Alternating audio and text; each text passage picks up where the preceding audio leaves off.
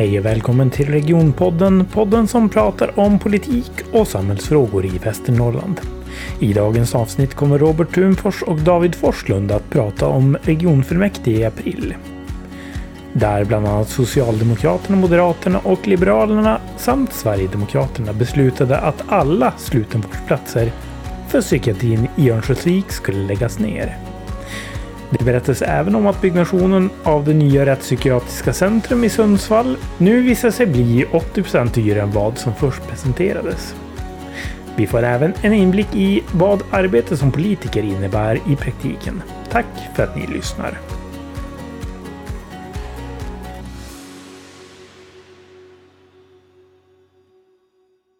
Ja, men då Robert tänkte jag att vi skulle köra en liten uppdatering vad som har hänt i regionfullmäktige i slutet på april. Ja, kan väl göra. Kan du berätta lite grann om hur förberedelserna inför fullmäktige går till? Ja, alltså i regionen så har ju varje parti då en gruppdag. Och den brukar vi ha i så fall på tisdagar om vi har regionfullmäktige på onsdag och torsdag. Då sitter ni tillsammans i fullmäktigegruppen och går igenom alla ärenden då? Ja, det stämmer bra. Det är ju de ledamöter som varit invalda och sen har vi också med någon ersättare då.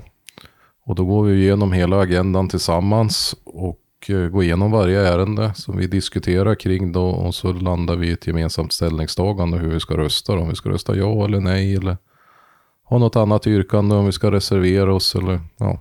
Mm. Ja, det är bra. Eh, tar det hela dagen då oftast eller? Ja, vi börjar typ klockan nio och sen håller vi på fram till 16 då. Och så bryter vi lite för lunch då vid 12 ungefär och sen har vi någon bensträckare och så där då. Eh, så det är ju det ena och sen har vi ju träff med regionledningen då, tjänstemannaledningen klockan 16 till 17 ungefär. Och sen har vi avstämning då med Centerpartiet och Kristdemokraterna vid klockan 17 fram till 17.30 ungefär. Så det är en hel dag. Mm. Och sen får man middag sen då förhoppningsvis. Få? Hemma eller? Ja, ja det blir, jo precis. Nu under coronatider så blir det ju hemma då. Uh, annars ska vi säga att när vi inte är corona då träffas vi ju fysiskt då tillsammans då. Och då har vi varit nu på sista tiden i vår partilokal då. Mm. Och sen är det ju så att vi alla stort sett alla stannar ju över då i Härnösand och sover där då. Mm. Och då är det ju så att regionen betalar ju då för, för övernattning då. Okay. Och eh, ibland är det också så att partierna kan betala också. Det är lite olika beroende på regelverk och sådär. Man ska ha visst många mil till Härnösand och så. Mm. Och då brukar vi ju, ja, ungefär samma grej då fast vi träffas fysiskt. Och sen brukar vi ha lite trevligt på kvällen då. Och det kan ju låta direkt som att vi har fest, men det har vi inte. Utan, utan vi, nej, men vi brukar gå ut och äta tillsammans då. Ja, det... Så, så som det som en tradition och då brukar vi oftast gå på apar och i Härnösand. Så att det blir, mm. äter vi någon hamburgare ihop, sitter och surrar och så. Och någon kanske tar någon öl eller ett glas vin eller så då. Men eh, ja. Inte mer än så eller? Nej, eh, så då sitter vi där och surrar lite då. Och sen brukar vi gå tillbaka då till till där vi bor då. Och då brukar vi ofta sitta och så att säga, jobba innan vi går och lägger oss då. Mm.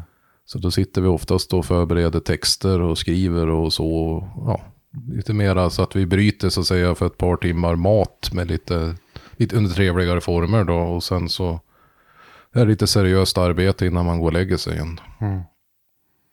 Men ska vi gå in på eh, dagordningen och agendan som låg för fullmäktige? Ja, det här fullmäktige måste jag säga måste, var nog det största jag har varit med om i antal ärenden.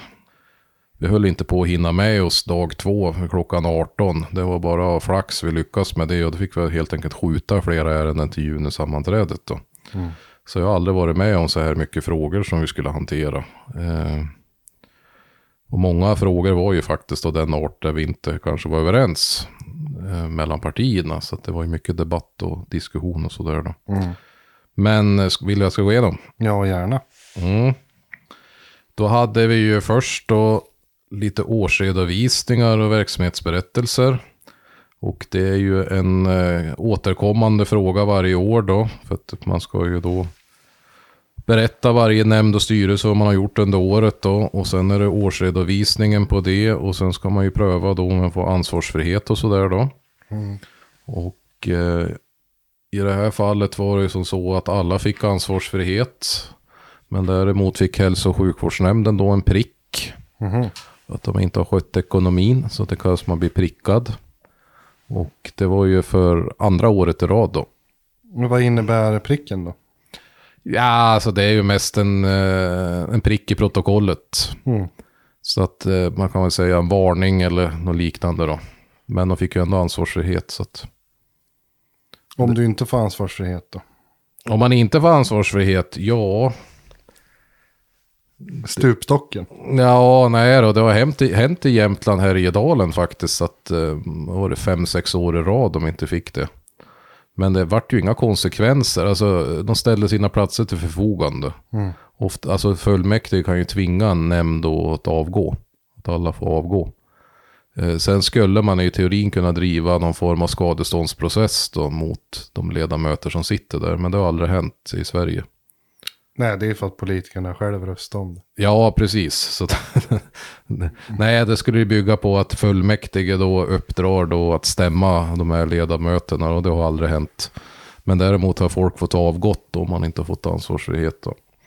Och problemet vi har i Region Västernorrland det är ju att eh, ekonomin går ju inte ihop och det är ju våran sjukvård. Och hälso och sjukvårdsnämnden som har ansvar för de här frågorna har ju visat röda siffror väldigt länge. Så att, eh, ja, nej, så det vart ju fullmäktiges beslut då att pricka HSN då, eller hälso och sjukvårdsnämnden som det heter. Vad har vi mer då? Jo, vi, har vi från sjukvårdspartiet hade lämnat in an, två motioner. Okej. Och den ena motionen är ju då inrätta en funktion som hjärnskadekoordinator. Och den andra är då att vi ska ha en vuxen aller, allergolog i länet. Och det var ju anmälningsärenden så att de hanterades inte utan de lämnas bara in. Men det kan ju vara bra för de som lyssnar och hör att vi skriver olika förslag och lämna in då. Och eh, hjärnskadekoordinator det har ju att göra med den här tjejen Jasmin uppe i Kramfors. Mm. Den här, eh, ja det var ju ingen olycka, det var ju chicken race där personen i fråga vart ju åtalad då. Mm. Eller om det var båda chaufförerna som vart det. Men det var ju en tjej som hette Jasmine i alla fall som vart väldigt allvarligt skadad då i, i, i smällen som blev. Och vi i sjukvårdspartiet har ju varit i kontakt med föräldrarna och träffat dem och fått hört lite närmare hur, hur de upplever vården har funkat och sådär då. Och sen har vi väl hållit på och kollat lite själv då på det, det, det, input vi fick från dem då i olika saker. Då bland annat var det här med hjärnskadekoordinator då, att det fanns inte i Västernorrland. Det finns i många andra regioner men inte här då. Så att då har Pia Lundin skrivit ett eh, förslag på det då. Mm. Och sen när det gäller en all allergolog så är det ju som så att vi har ju inte det i Västernorrland heller. Det har ju med de som har ganska grova allergier och ganska svårt med allergier att de får ofta söka sig utanför länet för att kunna få professionell hjälp då. Mm. Och där kan vi tycka att det är rimligt att det ska finnas även i det här länet då. Mm. Så det får vi se då, hur lång tid det tar innan de kommer tillbaka. Vi hade ju faktiskt en sån punkt på dagordningen också på det här mötet om motioner generellt. Mm. Del motioner har legat två, tre år. Ja, det är, inte, det är inte acceptabelt. Nej, det är inte acceptabelt. Så att eh, vi får väl hoppas att det inte tar två, tre år för de här att komma till beslut. Då. Vad har vi mer? Jo, sen har vi avveckling eh, av avdelning 61 inklusive vårdplatser i Örnsköldsvik. Och det är ju psykiatrin. Mm. Och det här var ju en återremiss som vi i oppositionen då, Vänsterpartiet, Centerpartiet, Kristdemokraterna och Sjukvårdspartiet då fick igenom. Eh, en återremiss på förra, förra fullmäktige. Mm. Och eh, vi har debatterat nu totalt sju timmar det här ärendet. Mm. Och det handlar ju om att man vill inrätta något som heter SPOT. Och lägga ner alla slutenvårdsplatser. Och SPOT är alltså specialpsykiatriskt omvårdnadsteam. Mm. Och det handlar ju om att man ska åka hem till människor då. Lite form av hemtjänst kan man väl säga. Fast mycket mer specialiserat och klart. Med, med högre kompetens då. Just för de här psy psykiatriska frågorna. Eh, men däremot så har ju personalen själv drivit ett förslag då om att man skulle ha spot, men man skulle också ha sju platser för att kunna lägga in patienter då i Örnsköldsvik på sjukhuset. Och majoriteten tyckte ju inte det då, utan de la ju ner allting, utan bara spot.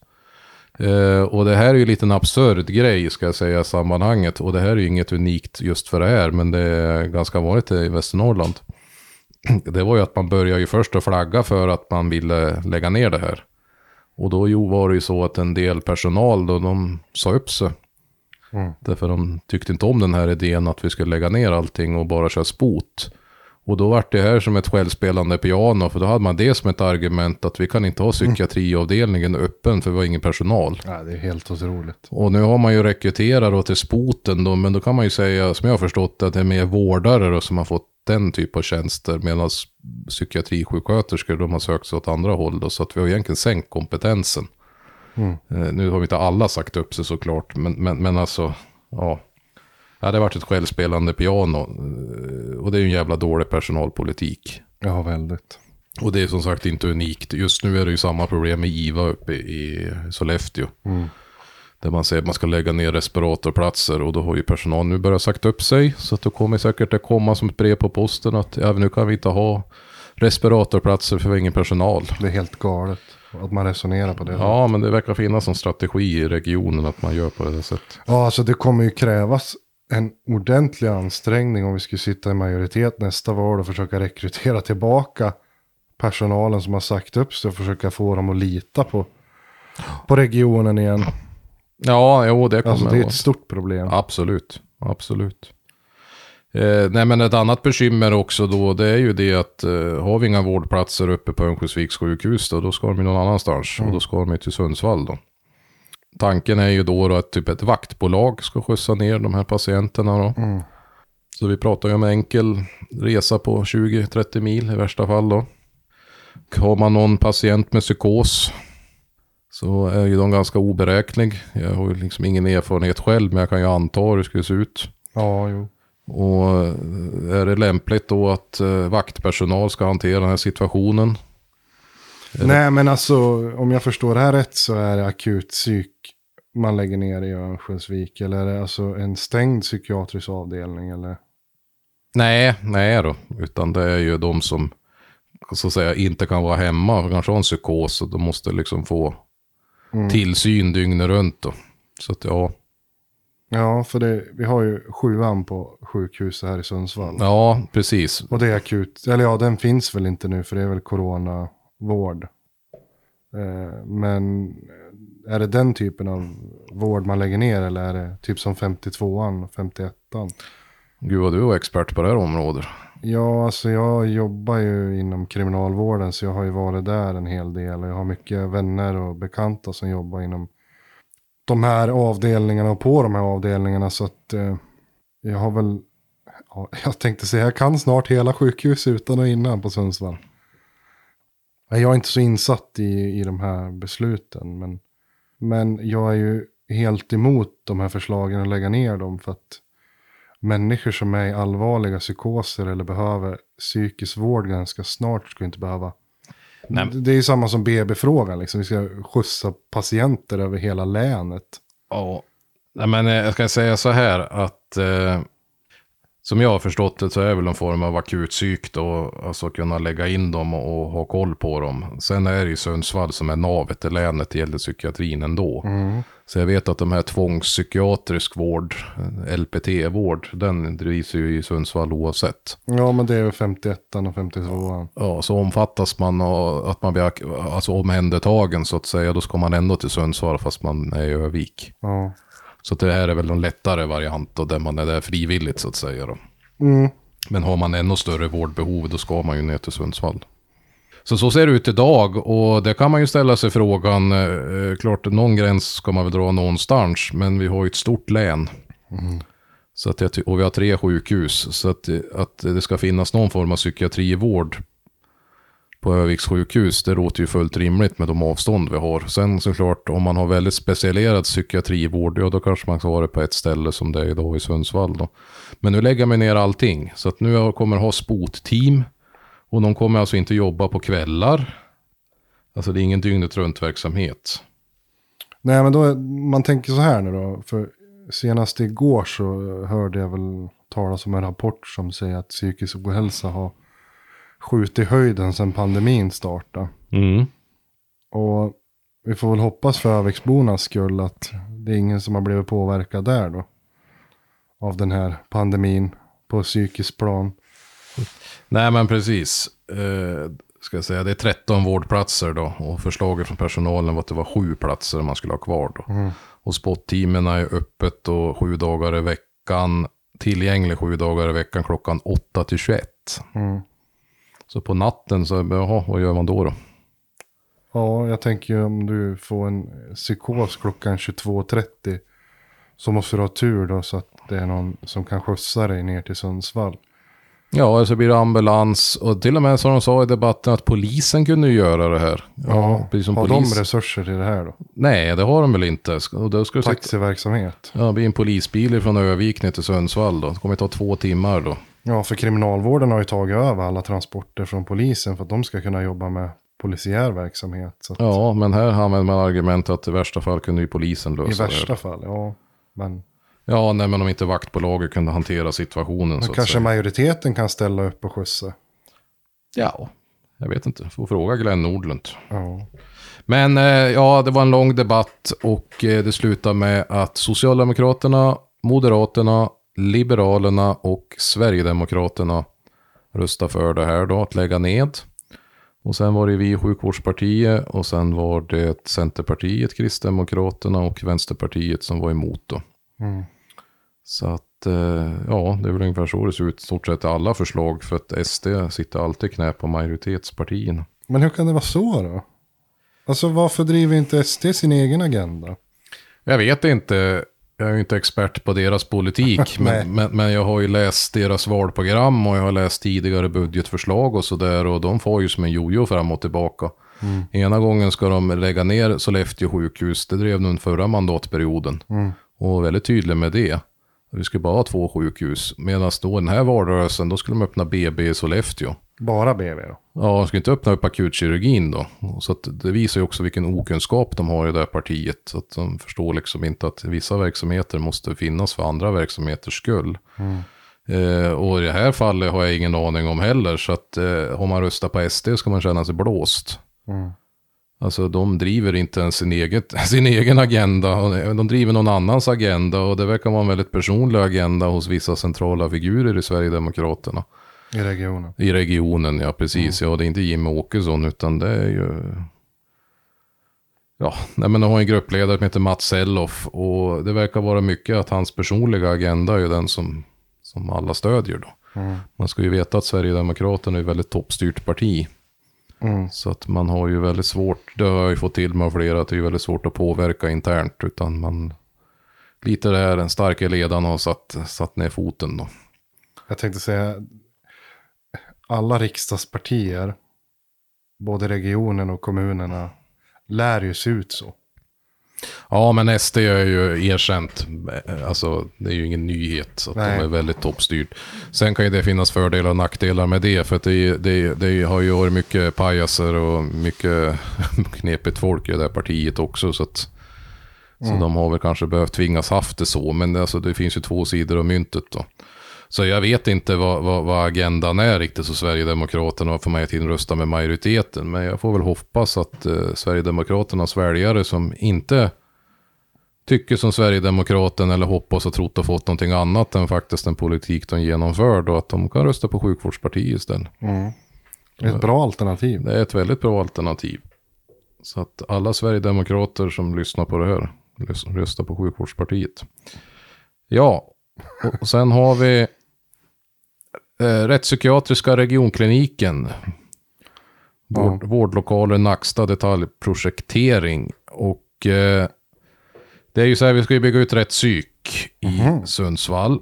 Och eh, då är det ju också tänkt att de avdelningar som finns på Sundsvalls sjukhus ska ju läggas ned och, och flyttas till rätt psyk då. Ja, det låter faktiskt rimligt. Ja, och det låter jättebra. Alltså det, det finns mycket positivt med det. Eh, Så att det behövs göras en investering på det här. Eh, Nu kan jag säga att idag när vi spelar in det här så finns det en debattartikel i Sundsvalls Tidning. Med Mattias Rösberg som är sjukvårdspartiets ordförande. Mm. Han sitter ju också som ledamot i regionstyrelsen och i fullmäktige. Mm. Och eh, han har ju varit väldigt kritisk till det här projektet då. Och då är det ju inte att vi inte ska bygga någonting, för det tycker han ju. Problemet är ju bara det att man har ju alltså först tagit fram en förstudie då, där man sa att det skulle kosta vad var det, 270 miljoner har jag för mig. Och nu då två år senare när man kom till nästa stadie i det här, i den här projektplanen då. Så hade kostnaderna gått upp med 80 procent. Ja, jo, jag läste debattartikeln. Så, så jag tror det var 460 eller 480 miljoner då. Och Mattias har ju en bakgrund. Han är ju civilingenjör, han jobbar med projektledning. Han jobbar mycket med projekt. Mm. Och han har ju varit, alltså han kan de här frågorna och har lång erfarenhet av det. Han har ju varit extremt kritisk.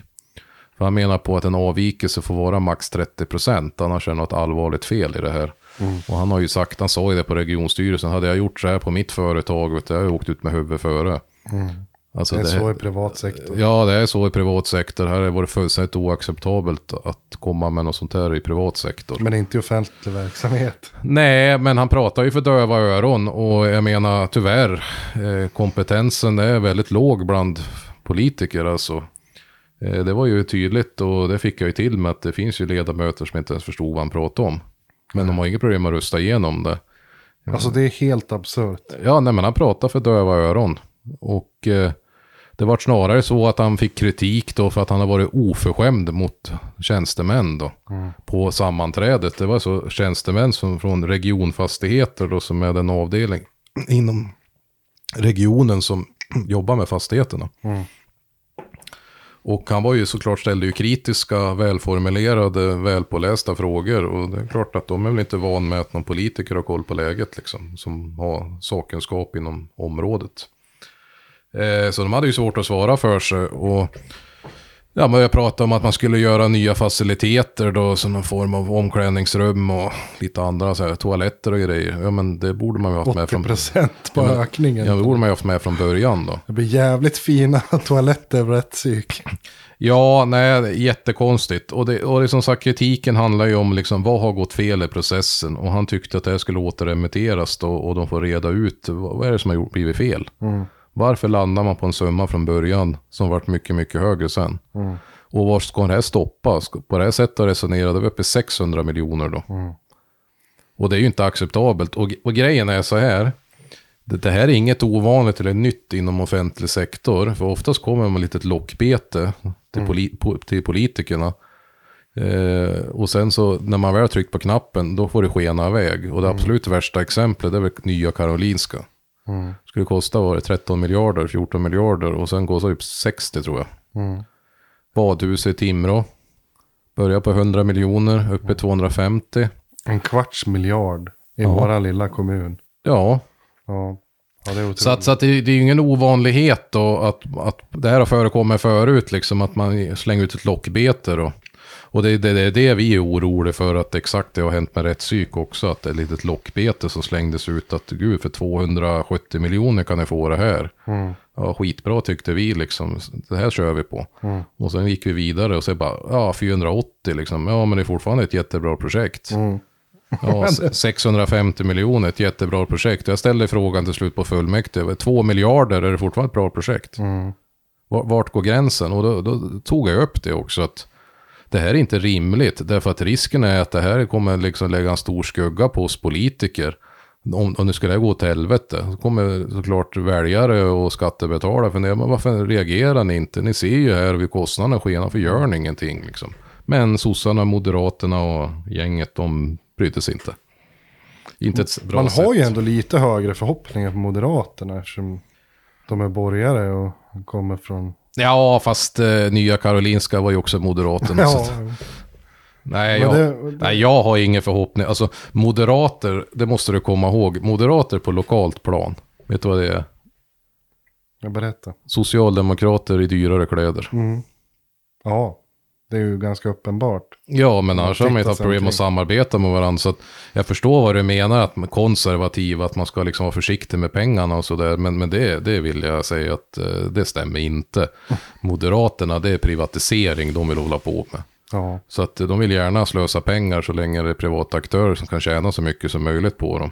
Och nu, nu drar jag det till sitt extrema såklart. Eh, men, men alltså att Moderaterna skulle vara rädda om skattepengar, det, nej, det finns det, det, nej ingen det, sanning det i. är verkligen inte det jag säger. Alltså, snarare att kanske eh, medlemmarna har erfarenhet av upphandlingar på, i privat sektor. Det var mer så jag menar. Ja, nej men, men upphandlingar generellt inom offentlig sektor är ju en ganska misskött grej. Alltså det, Ganska. ja, det finns så många exempel. Extremt. Ja, det finns så mycket exempel på hur man lurar. Jag har fått till och med 40 exempel på det där. Det finns alltid kryphål i Mm. Kommer du ihåg det där med vägsalter för några år sedan nere i Stockholm? Ja, Uppdrag granskning. Ja. Ja, Ja, den ja. var bra. Jo, Vad fan var det saltet kostade per kilo? Det vet fan. ja, det var, Tusentals kronor ja, det var något per sånt. kilo salt. Kunde Ja. köpa, Och det var vanligt jävla salt som du har på matbordet. Ja, kunde köpa en långtradare för samma pengar eller sånt Ja. där tror jag. Så att. Ja, nej men ska vi gå vidare. Eh, sen hade vi motioner. Ja, jag kan säga om rättspsyk, vi yrkar ju på återremiss då, men det vart ju nedrustat. Eh, så det gick ju igenom. Eh, och då avstod vi att rösta, för vi tyckte att då har vi inte ett underlag som gör att vi kan ta ställning varken för eller emot. Men som sagt, grundinställningen är att det är bra. jag säga. Men sista frågan då på det här. Mm. Hur, hur, hur mycket ska man bygga ut rättspsyk med? Alltså platser eller? Ja, man ska bygga fler platser. Ja. Är det fullt på rättspsyk eller? Ja, Ja. Eh, vi har ju många patienter från andra delar av Sverige. Och eh, som jag har förstått det, och det låter väl troligt, att vi har ett väldigt bra rättspsyk. Mm. Så att vi, vi är högt rankade och så. Så att det finns, vi, vi kan ta emot många fler. Alltså vi har kö, om man nu får kalla det för det. Mm. Plus att det här med arbetsmiljön, alltså att ha rätt psyk också uppe på Sundsvalls sjukhus. Nej, det är inte så bra. Så, Men Det ja, jag har ju varit på rättspsyk i Nexta och ja, det har jag och, och besökt. Ja. ja, bara som besök. bara som besökare. ja, via mitt yrke då. Ja, jag också. Hade vi studiebesök där. Mm. Det var väldigt intressant. Det såg ut som en liten kriminalvårdsanstalt fast ja, mer inriktat på vård än vad det är. Ska vi gå vidare? Ja, kör. Då hade vi motioner och då var det en mängd motioner ifrån Kristdemokraterna och Centerpartiet som handlade om eh, vårdval. Mm. Och då var det ju vårdval inom primärvården, vårdval inom specialistvården, vårdval inom barn och ungdomspsykiatrin, vårdval inom vuxenpsykiatrin. Sen var det en motion från Centerpartiet om ökad konkurrensutsättning av hälso och sjukvården generellt. Sen var det en motion om bolagisering folktandvården och sen var det en bolagisera rättspsykiatriska kliniken. Då. Oj. Och sen, ja, det var fler motioner, men vi kan väl börja med de här jag läste upp nu, för de är på samma tema så att Ja. säga. Ja, och vi i sjukvårdspartiet har, ett, vi har haft ett ganska långt resonemang om det här. Och vi har suttit ner flera gånger och resonerat kring de här frågorna. Eh, och vi landade i slutsatsen att vi sa nej då till vårdval. Till stort sett alla de här motionerna, förutom barn och ungdomspsykiatrin, där vi sa ja då till vårdval. Mm. Och eh, sen bolagisering folktandvården, där landade vi i, på vårt gruppmöte på ja, hälften var för och hälften var emot. Och eftersom jag är gruppledare då så har jag mandat att eh, lägga utslagsröst. Mm. Men jag kände liksom ändå att med tanke på att det sitter inte en majoritet och egentligen vad vi tycker eh, spelar inte så stor roll liksom. Så eh, med tanke på att vi inte styr då. Så sa jag att det är bättre att vara fri omröstning. Så då fick varje ledamot själv bestämma hur de ville rösta då. Och det vart så då att av våra sju ledamöter så vart det fyra som röstade för och tre som röstade emot då. Okej. Och eh, då, den som kan matte där förstår ju då, vänta nu här, kan det vara lika när vi var bara sju stycken. Men vi är åtta i gruppen. Mm. För att vi har nämligen en person också som är första ersättare som också har rösträtt på våra gruppmöten. Då. Mm.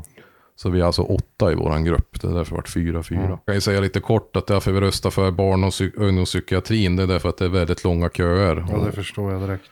Och där är det så också att det är liksom den öppna delen. Och vi vet att det finns ju aktörer som förmodligen skulle kunna snabbt kunna komma in och hjälpa till då på den privata sidan. Och där föräldrarna också skulle få en helt annan möjlighet att kunna välja också då, om det finns ett vårdval. Det blir en form av patientmaktsfråga det där. Och det finns en massa nackdelar också med det här. Men vi tyckte att just när det gäller barn och ungdomspsykiatrin så var fördelarna fler än nackdelarna. Ja, det förstår jag. Så därför sa vi ja, för vi tänkte att där kan man få lite action ganska fort. Otroligt viktig fråga. Ja, det är en jätteviktig fråga och det har varit en viktig fråga från sjukvårdspartiet sedan valrörelsen. Vi har drivit ganska mycket inom det området. Så det är en hjärtefråga för oss. Mm. Eh, sen var det ja, folktandvården och rättspsyk, bolagisering. Alltså det där kan man inte prata, jag får prata för mig själv då lite grann. För jag röstar ju för folktandvården men jag röstar nej på rättspsyk. Det där handlar om organisationsformer. Bolaget hade ju ändå varit ägt av regionen till 100 procent Jag ser fördelar med att folktandvården, den är ju på en privat marknad för den ingår ju liksom inte i resten av kroppen, alltså i våran sjuk sjukvårdssystem, alltså det här med att den är helt finansierad på skattsedeln. Inte än. Nej, inte än. Nej, men just nu är det så i alla fall. Och då finns det en massa privata aktörer som man konkurrerar på en eh, marknad där. Och då finns det, tycker jag, fler fördelar än nackdelar att låta folktandvården vara lite mer fristående då. Och då kan de bli ett bolag, för då har de en egen styrelse, de har en vd.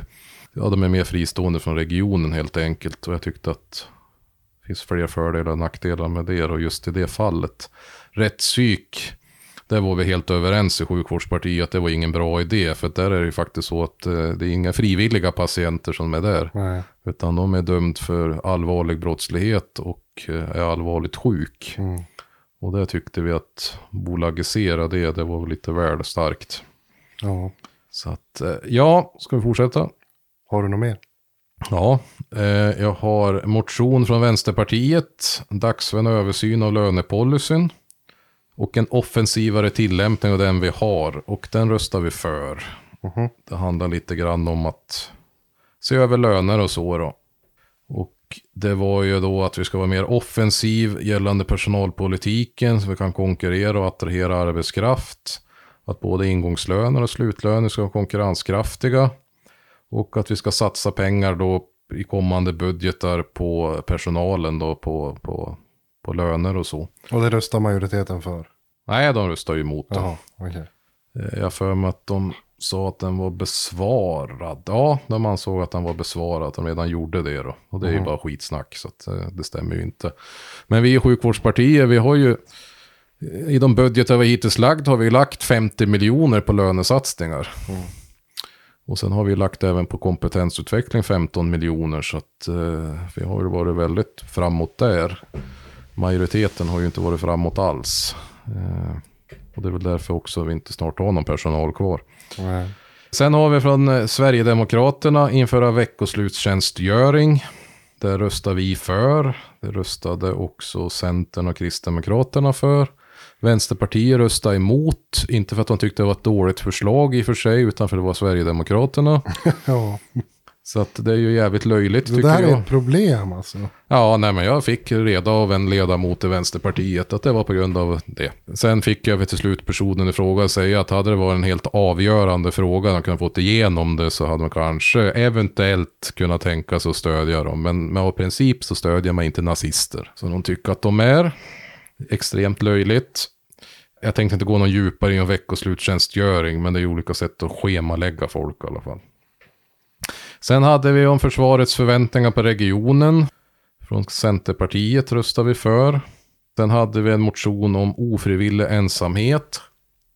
Där vi hade långa, långa diskussioner i sjukvårdspartiet, men vi landade att vi avstod.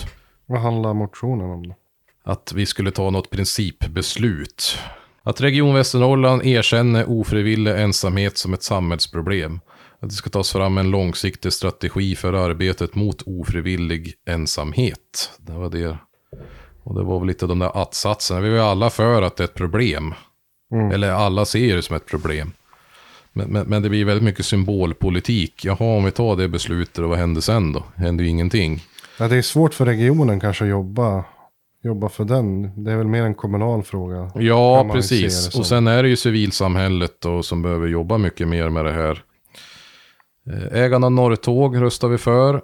Sen var det två motioner då om att se över regionens medlemskap på olika samverkansorgan. Som vi tillsammans med KD och C då har drivit. Den vart bordlagd, för vi hann inte med den. Och sen var det från Centern om öka andelen närproducerat till regionens inköp. Den vart också bordlagd.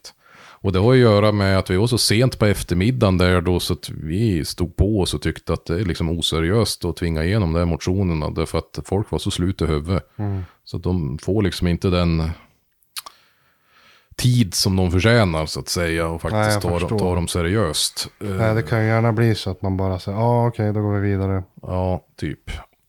Sen var det lite andra småärenden som var väl inga märkvärdigheter. Det är så här klassiska standardärenden.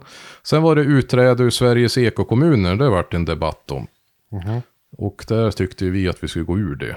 Sen fanns det ju de som inte tyckte det. Och då är vi inne på ja, lite värdegrundskonsulter. Mm. Ja, men eh, klimatet är ju en viktig sak. Mm. Så bara man säljer in ordet klimatet till någonting så ska det liksom, ja det skickar konstiga signaler och så vidare och så vidare med hänvisning till klimatet då. Mm. Men, men, alltså man måste ju se saken vad det är för någonting. Eh, vi betalar alltså visst 50 000 kronor tyckte ju de var en skitsumma då för det var ju klimatet då. Mm. Men 50 000 är ju ändå 50 000 och sen den stora frågan det är ju mycket personalresurser vi lägger på det här. Så att jag menar det ska vara konferenser, det ska vara resor, det ska vara personal som jobbar med det här och då soppar ju inga 50 000. Nej.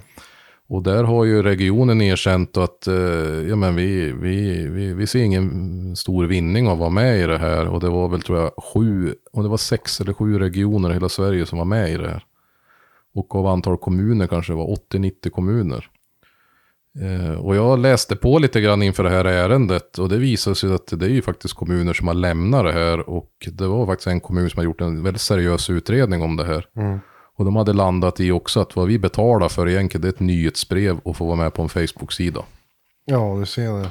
Det är väl inte väl använda skattepengar precis. Nej. Så att, eh, och det här är ett, helt enligt sjukvårdspartiets agenda också. Därför att regionen är med i en massa olika organ. Där man kan mer eller mindre fundera på vad vi får ut av det. Eh, Vi betalar medlemsavgifter och vi lägger både personaltid och politiker lägger tid på saker som, jag vet inte om det gynnar våra medborgare i det här länet. Kärnverksamheten. Nej, det är, Återigen. ja. Nej, så vi var för, men vänstern och centern och kristdemokraterna var emot. Mm. Sverigedemokraterna, sjukvårdspartiet, sossar, moderater och liberaler röstade vi skulle gå ur det då. Sen hade vi lite regional infrastrukturplan, regional tillgänglighet, trafikstrategi. Det är liksom det som kommer framöver. Mm. Det var på påbörja arbetet. Och sen hade vi en som heter E-förslag, externa initiativ. Och vad är det då? Jo, i, som i Timrå, det vet jag att vi har medborgarförslag. Mm. Det har vi inte i regionen. Man vill ju inte att medborgare ska kunna lämna in förslag. Det är ju vad jobbigt det blir. Utan de, de ska bara rösta var fjärde år, sen får det vara bra med det. Ja, jag raljerar lite grann, men det är ungefär så det låter av all på majoriteten. Mm. Eh, men däremot är de väl intresserade av att testa ett e-förslag då. Och då ska man kunna lämna ett förslag och då ska det vara typ 200 personer då med bank-id som ställer sig bakom förslaget. Då ska man hantera det. Oj.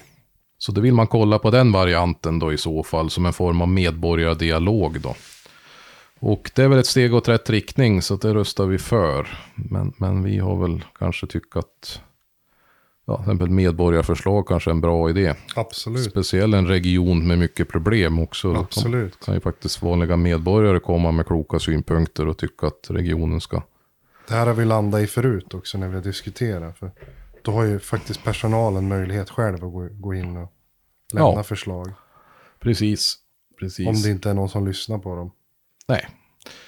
Eh, sen har vi mer då. Eh, ja, utbetalning av partistöd, valärenden. Inte så mycket att säga om det. Däremot hade vi interpellationer. Och då var det arbetsgivarens arbetsmiljöansvar vid hemarbete. Och eh, jag tyckte den som, det var från Vänsterpartiet, och jag tyckte den var liksom kritisk. Sökte problem istället för att söka möjligheter. Att människor får möjlighet att jobba hemifrån på ett helt annat sätt just nu, det är ju en fantastisk möjlighet. Alltså, Det skapar jättebra för livspusslet och ja, miljö och klimat, minskat resande. Man sparar kanske en timme om dagen och sitta i en bil exempelvis. Vi är ett stort län så att många reser ju med bil. Men här var det lite mera liksom att eh, kritiken, ja men vilket ansvar tar arbetsgivaren för skrivbord och psykisk hälsa och sådär. Och Ja, nej men jag håller ju med i sak. Alltså det är ju klart att arbetsgivaren måste ju säkerställa att man har en bra arbetsmiljö hemma också. Ja, att man mår bra. och man Det är mår- många som inte vill jobba hemifrån också. Nej, och vill man inte jobba hemifrån ska man ju inte behöva göra det. Nu är det ju corona så att det är man ju mer eller mindre tvingad till det då. Men jag ser med en framtid här att vi, vi kommer inte att backa bandet på det här. Utan man kanske jobbar någon dag hemma och någon dag på kontoret då. Och det ska ju klart bygga på frivillighet. Känner man att nej men jag mår inte bra att sitta hemma, jag vill, jag vill vara i ett sammanhang med kollegor, ja men då ska man klart möjligt att göra det. Men åt andra hållet så är det ju så att vi har ju sett nu att en ny, vad vi kallar för grön våg, där människor faktiskt flyttar ut till sommarstugorna eller ja, bygger gamla, renoverar gamla hus och sådär och med fiberoptik och modern kommunikation. Mm. Så kan man faktiskt eh, bo på landet. Och då kanske man kan leva med att ja, men jag kanske måste åka 5-10 mil enkel en dag i veckan eller två dagar i veckan. Ja, exakt. Så att jag ser att fördelarna är fler än nackdelarna. Speciellt i ett län som vi som har mycket landsbygd och mycket utflyttning. Och, och som uppe i Höga Kusten har det ju visat sig att eh, där har man ju fått en tvärtom effekt nu. Mm. Jättebra. Jag vet att det var någon artikel i Svenska Dagbladet också. var en tjej från Stockholm och var i 30-årsåldern då. Som hade dragit till Höga Kusten och hyrt en, ett hus. Och det var det bästa hon hade gjort. Mm. Ja, jag tror jag läste det där också. sitta på 25 kvadrat i Stockholms innerstad. Då, utan det var en helt annan grej. Och, och ja, naturen och se årstiderna. Och, hon, hon hoppas att hon kunde fortsätta och bo här uppe och jobba åt det här företaget i Stockholm som hon jobbade åt. då. Så hon var jättepositiv. Så, så jag säger det, det finns, det här är en megatrend nu som där alla som varit skeptiska och negativa blir ju tvingad att faktiskt eh, Prova. prova. Sen hade vi renovering regionens hus. Möbler kastas bort. ja, det har varit en liten absurd diskussion kanske då i en detaljfråga. Men, men eh, vi ska ju renovera då regionens hus som är liksom kontoret där politiker och höga tjänstemän sitter. Och det är ju inte, eller inte bara höga tjänstemän. Vi har tryckeri och vi har vaktmästare. Och, alltså vi har en mängd funktioner där som ekonomiavdelning och HR och sådär. Mm. Man har ju misskött det här huset i väldigt många år så att det regnar ju in och det är mögel och så. Och då var det ju här med möblerna att det på så skulle kastas bort mö- möbler. Men, men det stämde inte riktigt. Man kastade bort möbler där man fanns mögelporer i klädseln och sådär. Men sen var det någon diskussion om att man kunde tvätta dem och så vidare och så vidare. Men, men vi var väl överens i alla fall, man ska inte kasta bort fungerande möbler. Sen ska vi säga, jag som har varit i det här huset lite grann då, jag varit ganska häpen av att se möbler från 70-talet. Och det kan väl vara coolt att sitta på gamla orangea stolar från 70-talet. Men samtidigt kan man ju börja fundera liksom, ska man spara möbler i sann all evighet också? Alltså visst, eh, det kan ju vara faktiskt lite bättre ergonomi i nya möbler än att sitta i gamla 70-talsmöbler också. Jag går vidare. Sen var det kostnader för svensk ambulansflyg och där fick de inget svar. Men det är ju så att regionerna nu då har ju tagit över ambulansflyget själv. Det har ju varit privat innan. Mm. Och nu har vi ju investerat i jetplan. Och det här blir ju mycket dyrare än vad man har tänkt sig. Det har stått ganska mycket i media om det här. Mm. Eh, men men eh, tanken är ju att det ska bli bättre och billigare då på sikt då. Just nu ser jag lite skeptiskt ut för det, men, men, men det är tanken. Sen var det allmän screening av tarmcancer. När det gäller allmän screening av tarmcancer så är det ju en väldigt viktig fråga. Det är ju fler och fler som får det också. Att då kan man upptäcka det i tid så är det väldigt hög chans för bot. Mm. Och bli botad av det. Och, eh, men visst, ska man screena alla i befolkningen så krävs det ju resurser för det. Ja. Så det jobbas med den frågan, men det är bara att Region Västernorrland brukar aldrig vara först ut på sånt där. Sen var det ambulanssjukvården som Pia Lundin hade lämnat in och den var bordlagd till nästa möte för den var ganska omfattande, komplicerad frågeställningar. Så det var väl rimligt. Sen diskuterade vi inställda tåg och bristfällig information till resenärer. Och det var en interpellation också från Sjukvårdspartiet. Där vi hade sett i media då att eh, folk uppe i Övik och Kramfors kunde inte lita på Norrtåg. Man visste inte om tåget kom. Och det har väl oftast att göra med vintern då. Och då fick vi svaret att ja, men enligt någon undersökning så var de ju väldigt nöjd. Ja, sen efter mycket diskussion så visst, på sommaren kanske man är nöjd. Mm. Men kanske på vintern är man inte så nöjd. Nej, exakt. Och sen var det då ban, det var Trafikverkets fel och jag vet, inte, det är så många kockar i soppan vet du. Så det är väl inget unikt för Norrtåg. Men det vet man ju när det gäller tåg generellt att en äger tågstation, en sköter underhållet och en kör tågen och det är flera aktörer som kör tåg. Mm. Och sen den som ska sköta och massa underentreprenörer och så upphandlar man det som är billigast. Och du, du hör ju. Ja. Och sen sist men inte minst då, så var det regionens hantering av kriser, lagerhållning, sjukvårdsmateriel och mediciner med mera. Eh, och det var det ju här med skyddsmasker och medicin, hur länge vi har lager för det då. Och sen var det också, hur ser regionens möjligheter till drift av sjukhusen vid en kris som hotar elförsörjningen? Mm. Och där kan väl, den delen kan vi känna oss trygg i. Vi har ju sådana här äh, dieselanläggningar i sjukhusen som i teorin kan ju köra sjukhuset hur länge som helst så länge man fyller på tanken. Och så länge det finns diesel. Så länge det finns diesel. Men det ska ju Ja. finnas diesel i alla fall en månad eller två eller tre då. Ja, Men har man, nå- har man något lager på det också eller? Nej, det är väl de cisterner som finns på plats. Man kan köra sig tre månader i sträck då. Sen måste man ju fylla på. Ja, det är så pass länge alltså. Ja, som jag har förstått det så är det det. Men det skulle vi fördjupa oss i, lovade Glenn Nordlund då. Ty- tyck- det var vi överens om allihop att det var en viktig fråga. Så där ska vi få lite mer info framöver. Mm. Ja, nej men det var regionfullmäktige. Och eh, vi satt ifrån 9 på morgonen till 18 på kvällen, två dagar i sträck. Ja, det är långa möten. Ja, och hade vi fortsatt med alla ärenden så då hade vi varit inne på en 2021 innan vi var klara. då. Ja. Där är det ju också så att alla som tror att vi politiker, men speciellt fritidspolitiker, att det bara glassar på dagarna, så så är det ju inte. Utan eh, jag har ju varit med om att suttit till midnatt. Och det har ju du också David varit med om. Ja.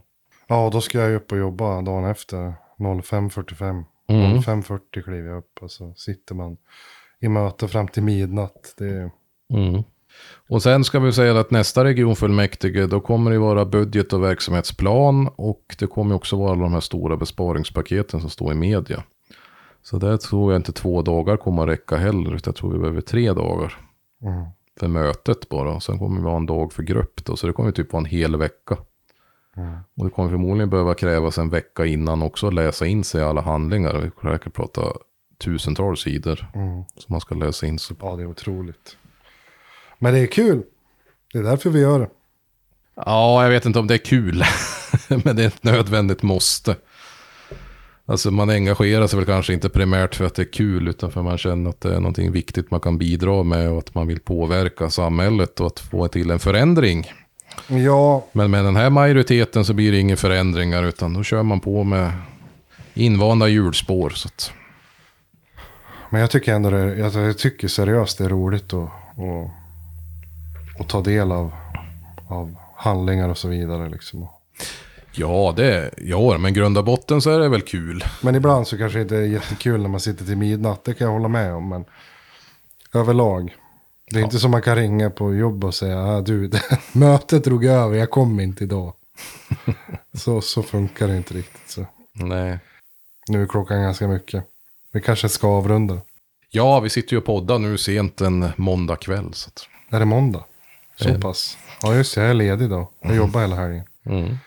Ja, Tack för idag. tack du ha. Ha det. Hej. Hej.